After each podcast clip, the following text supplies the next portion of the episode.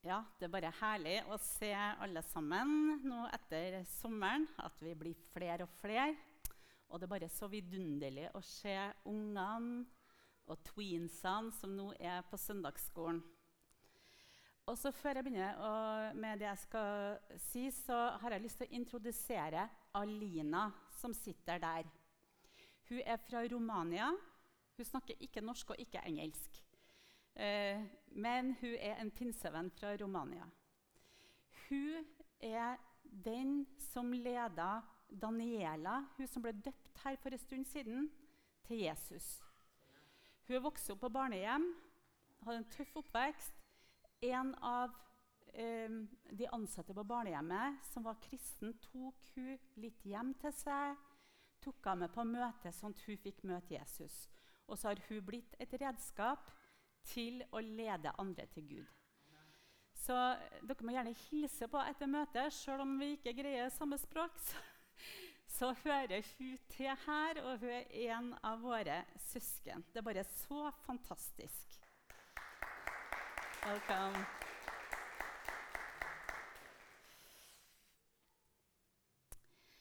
Um, ja. Uh, vi er på Johannes-evangeliet. Jeg må si jeg elsker evangeliene. For der får vi møte Jesus sånn som han er. Og så står det det i Johannes-evangeliet at ingen har noen gang sett Gud, men den enbårne sønn, som er i Faderens fang, har vist oss hvem han er. Så når vi ser Jesus, så får vi se hvordan Gud er. Vi får møte Guds hjerte og Guds gjerninger.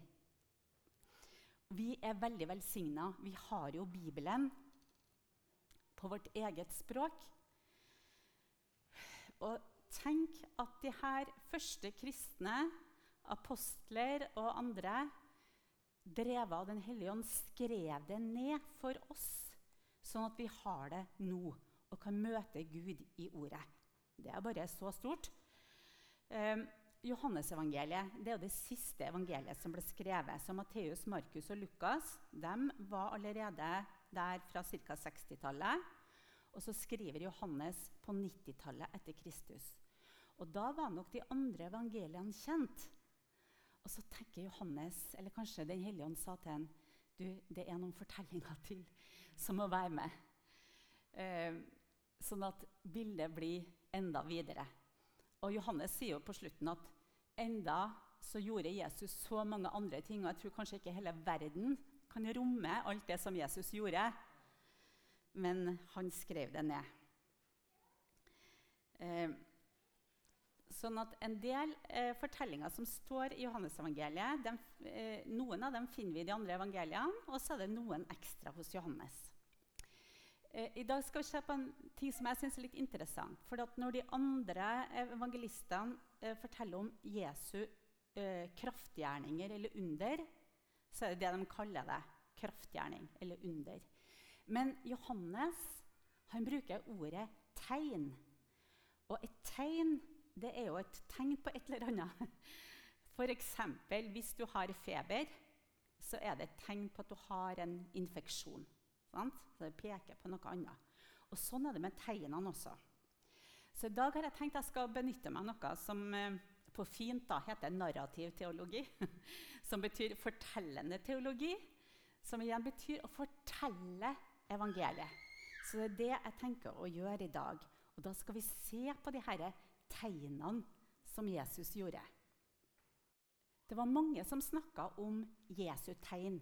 Så når Nikodemus kommer til Jesus på natta Han var jo en lovlærer i Israel. Så sa han ingen kan gjøre sånne tegn som du gjør, uten at Gud er med han.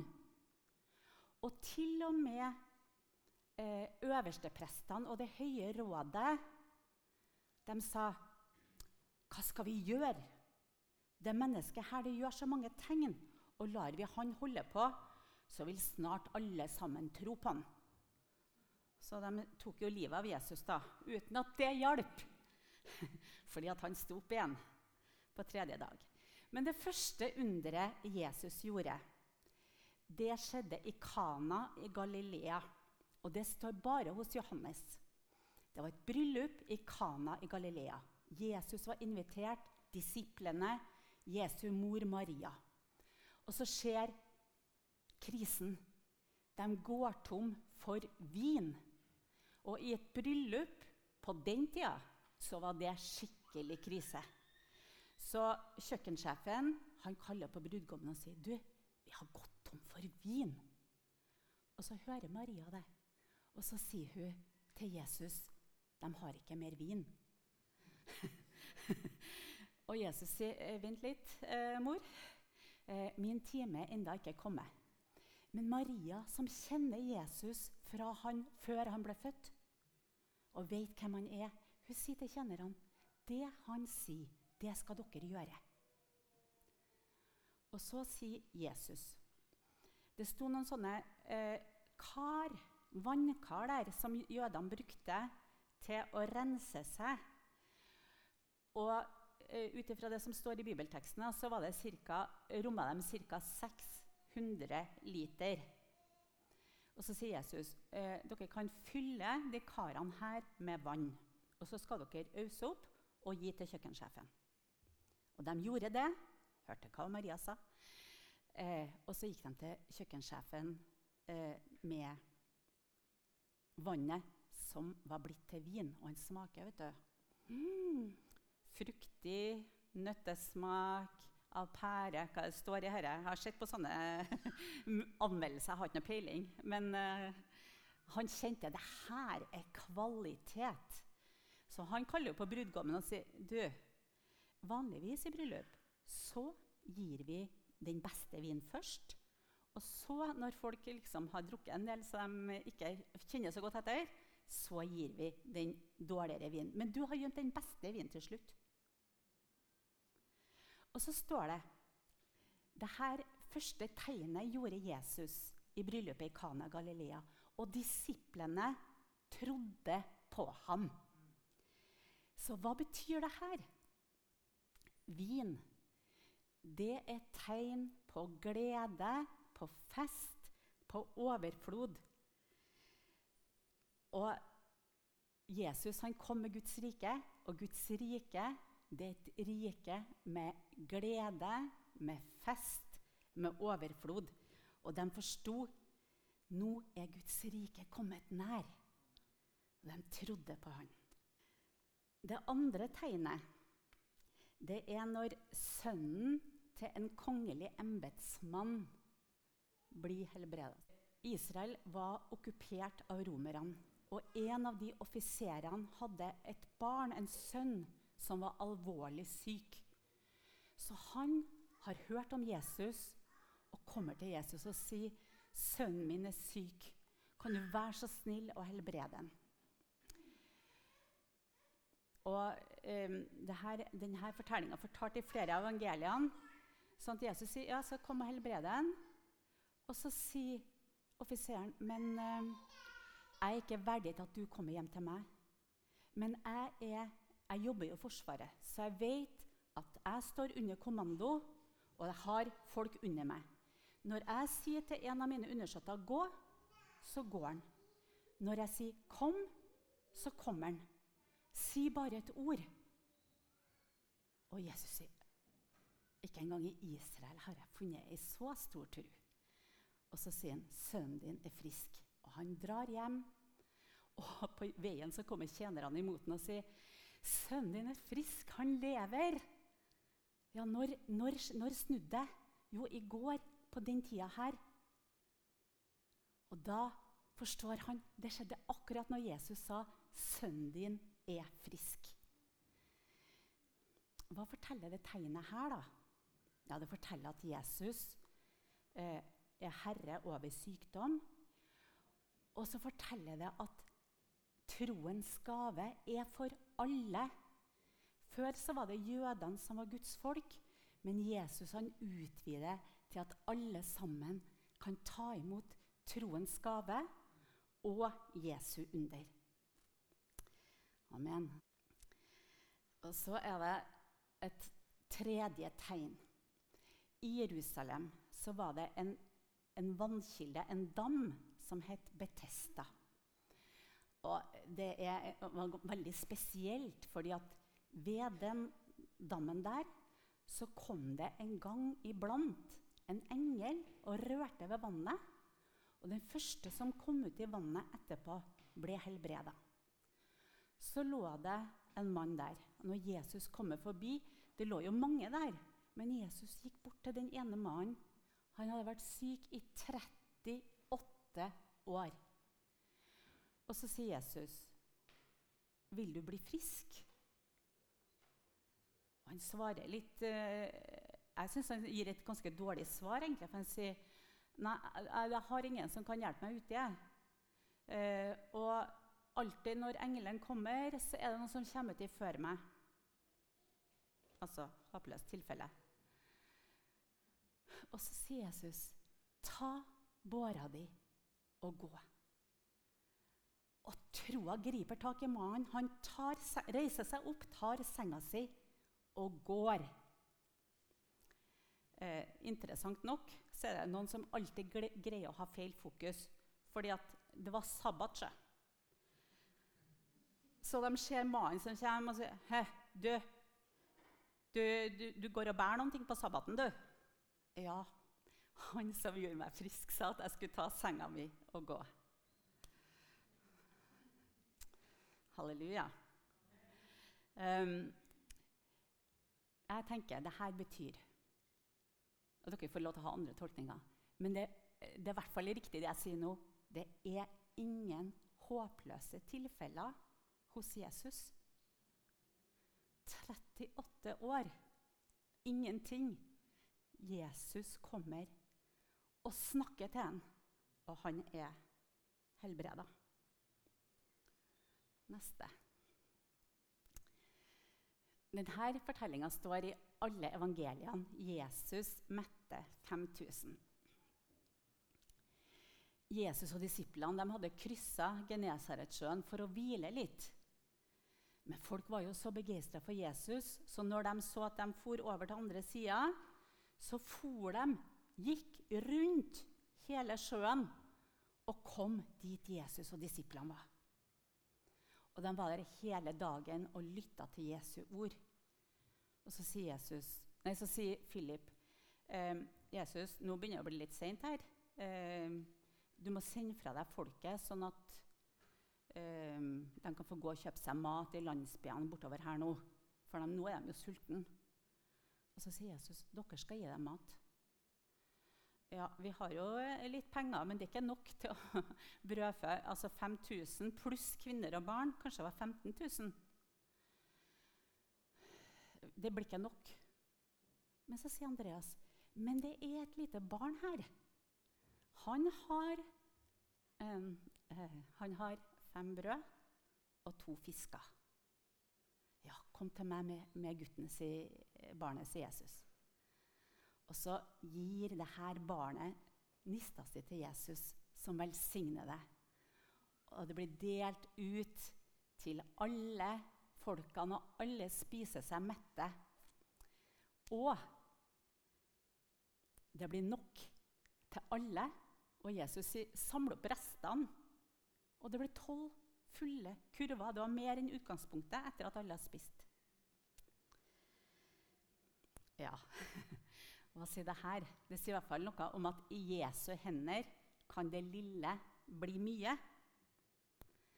Det sier noe til meg om at barna regner med at det de gir til Jesus, det kan bli til velsignelse. Og også at ett menneske kan utgjøre en forskjell. Skal vi ta neste? Et til.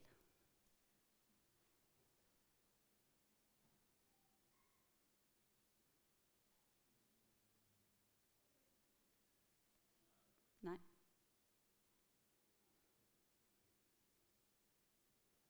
Der, ja. Dette er en amerikansk dame. Hun heter Madeline Murray O'Hare. Um, hun starta um, American Atheists. Det er et samfunn som uh, prøver å promotere ateisme og ikke tro på Gud. Og her er et av de bannerne de bruker. Who needs Christ during Christmas? Nobody. Det er det hun står for. Og hun reiste rundt på skoler og universitet for å proklamere ateismen. Og på um, en skole kom til, da, det var en ungdomsskole, eller uh, high school, med 3000 ungdommer, og hun står og forkynner ateismen. Nå kan du ta neste bilde, Lennart. Og mens hun står og snakker, så er det ei jente på 16 år som reiser seg opp og begynner å synge. Stand up, stand up for Jesus, ye soldiers of the cross. Lift high his royal banner, it must not suffer loss. From victory unto victory, his army shall he lead till every foe is vanquished and Christ is Lord indeed.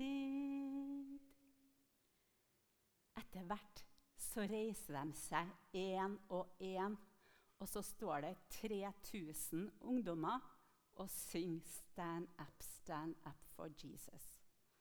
Hva skulle, hva skulle jeg si?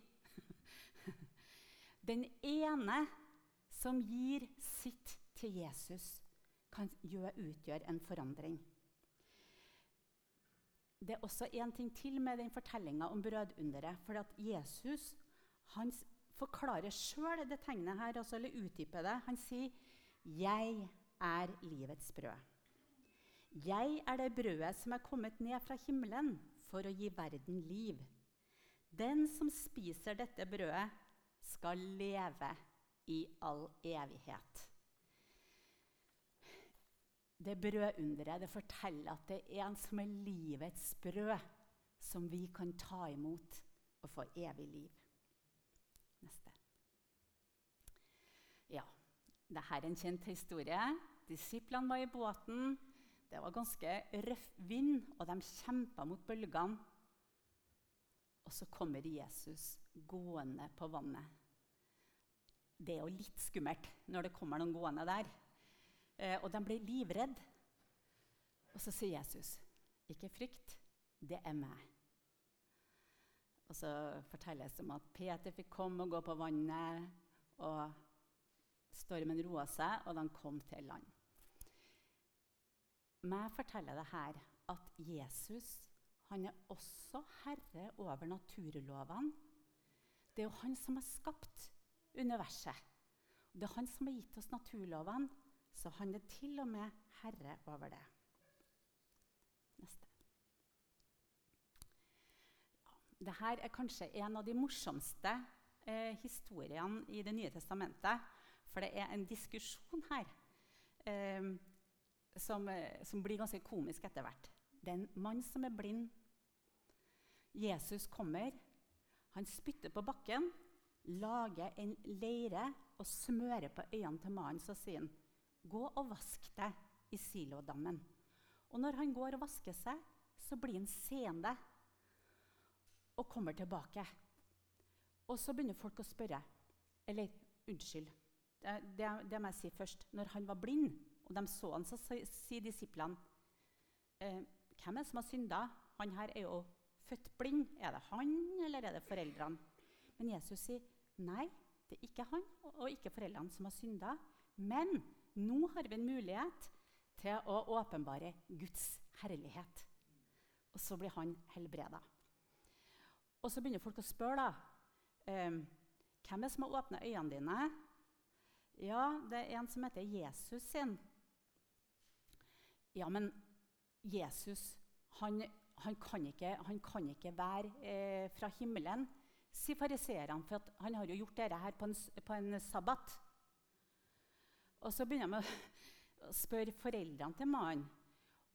Og de blir litt redde, fordi at fariseerne har sagt at de som sier at Jesus er Messias, de skal støtes ut av synagogen.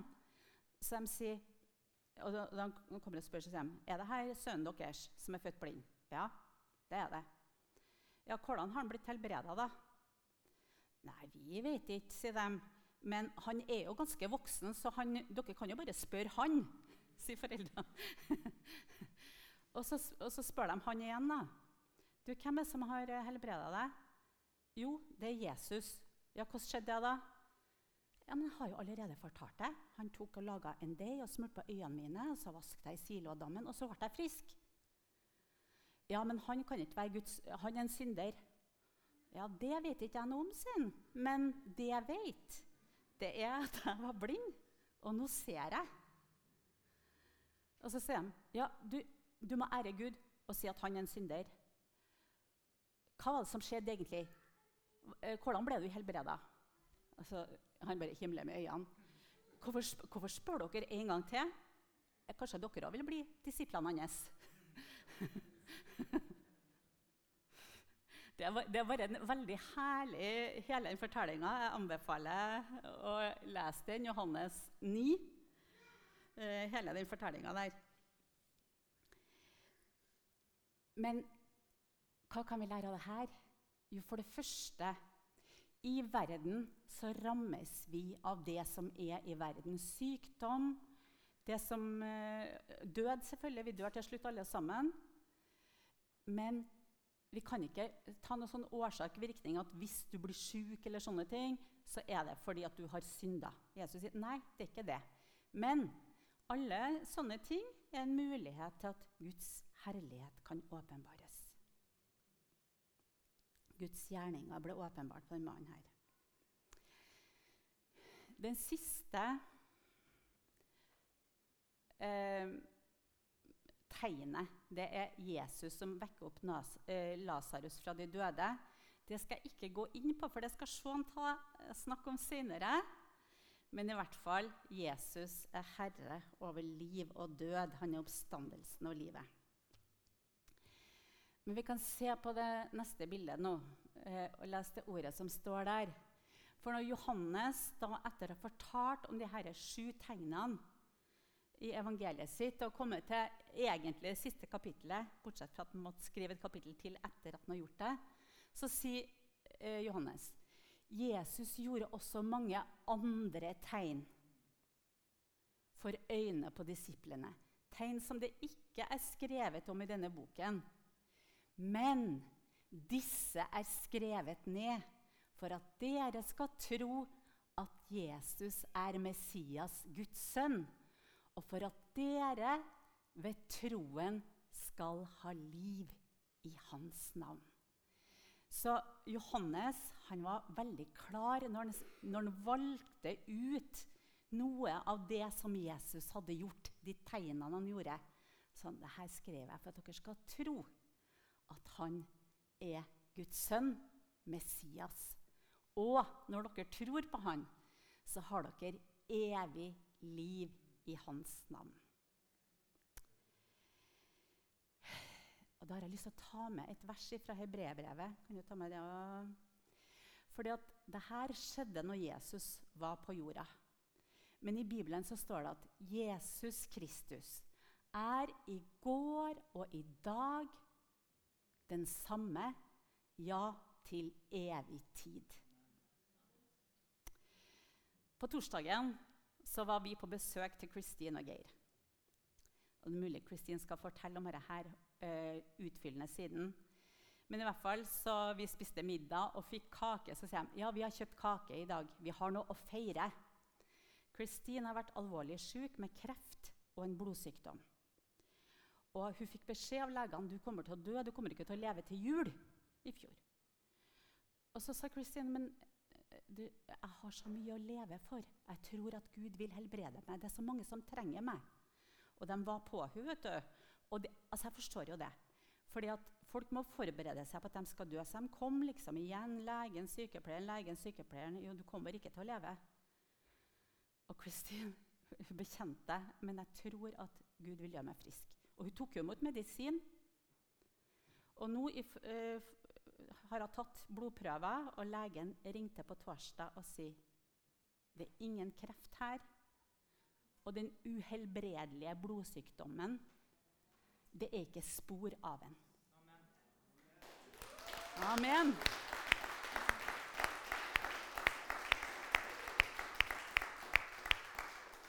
Jesus Kristus er i går og i dag den samme til evig tid. Eh, Åsmund, jeg vil at du også skal komme opp her. Dele noe med oss. Bare ta deg en uh, mikrofon. Yes. Eh, Jesus han hører når vi ber, og jeg skal fortelle en ting som eh, skjedde med oss. Og det var det at eh, når Selma var eh, ni-ti måneder, så var hun på en sånn kontroll på eh, helsestasjonen. Og da fant de noe på øyet hennes som de trodde var grå stær. Så da sendte de henne videre til øyelege. Og så kom hun til øyelegen, og de så på øyet hennes, og da så de at det var grå stær. Og det var midt i synsfeltet, så det gjorde mest sannsynlig at hun ikke kom til å se mye på det øyet. Så da skulle de sende oss videre ned til St. Olavs for å få se hva som skulle gjøres med det her. Men da tenkte jeg at det her må vi be for. Så da tok jeg med de som vi, vi går i cellegruppe med, og så ba vi for det her. Og, jeg og Berit Bra også for at hun skulle ikke måtte bli plaga av det her med grå stær. Så når vi da kom ned på sykehuset ca. en måned etterpå og skulle sjekke det her, så lurte de på var det, hvorfor var vi der. Nei, det var fordi det var funnet noe på øyet. Nei, for de så ingenting. Det var ingenting på øyet mer i det hele store. Så det var bare blitt forsvunnet. Så det er kjempefint. Og så hun var faktisk nå på kontroll igjen. Eh, for de skulle se da om, de kunne, om det var noe annet som de kunne ha sett. da. Så de sendte henne på, på kontroll nå seinere. Men det var fortsatt ingenting på øyet. Så hun har blitt helbreda.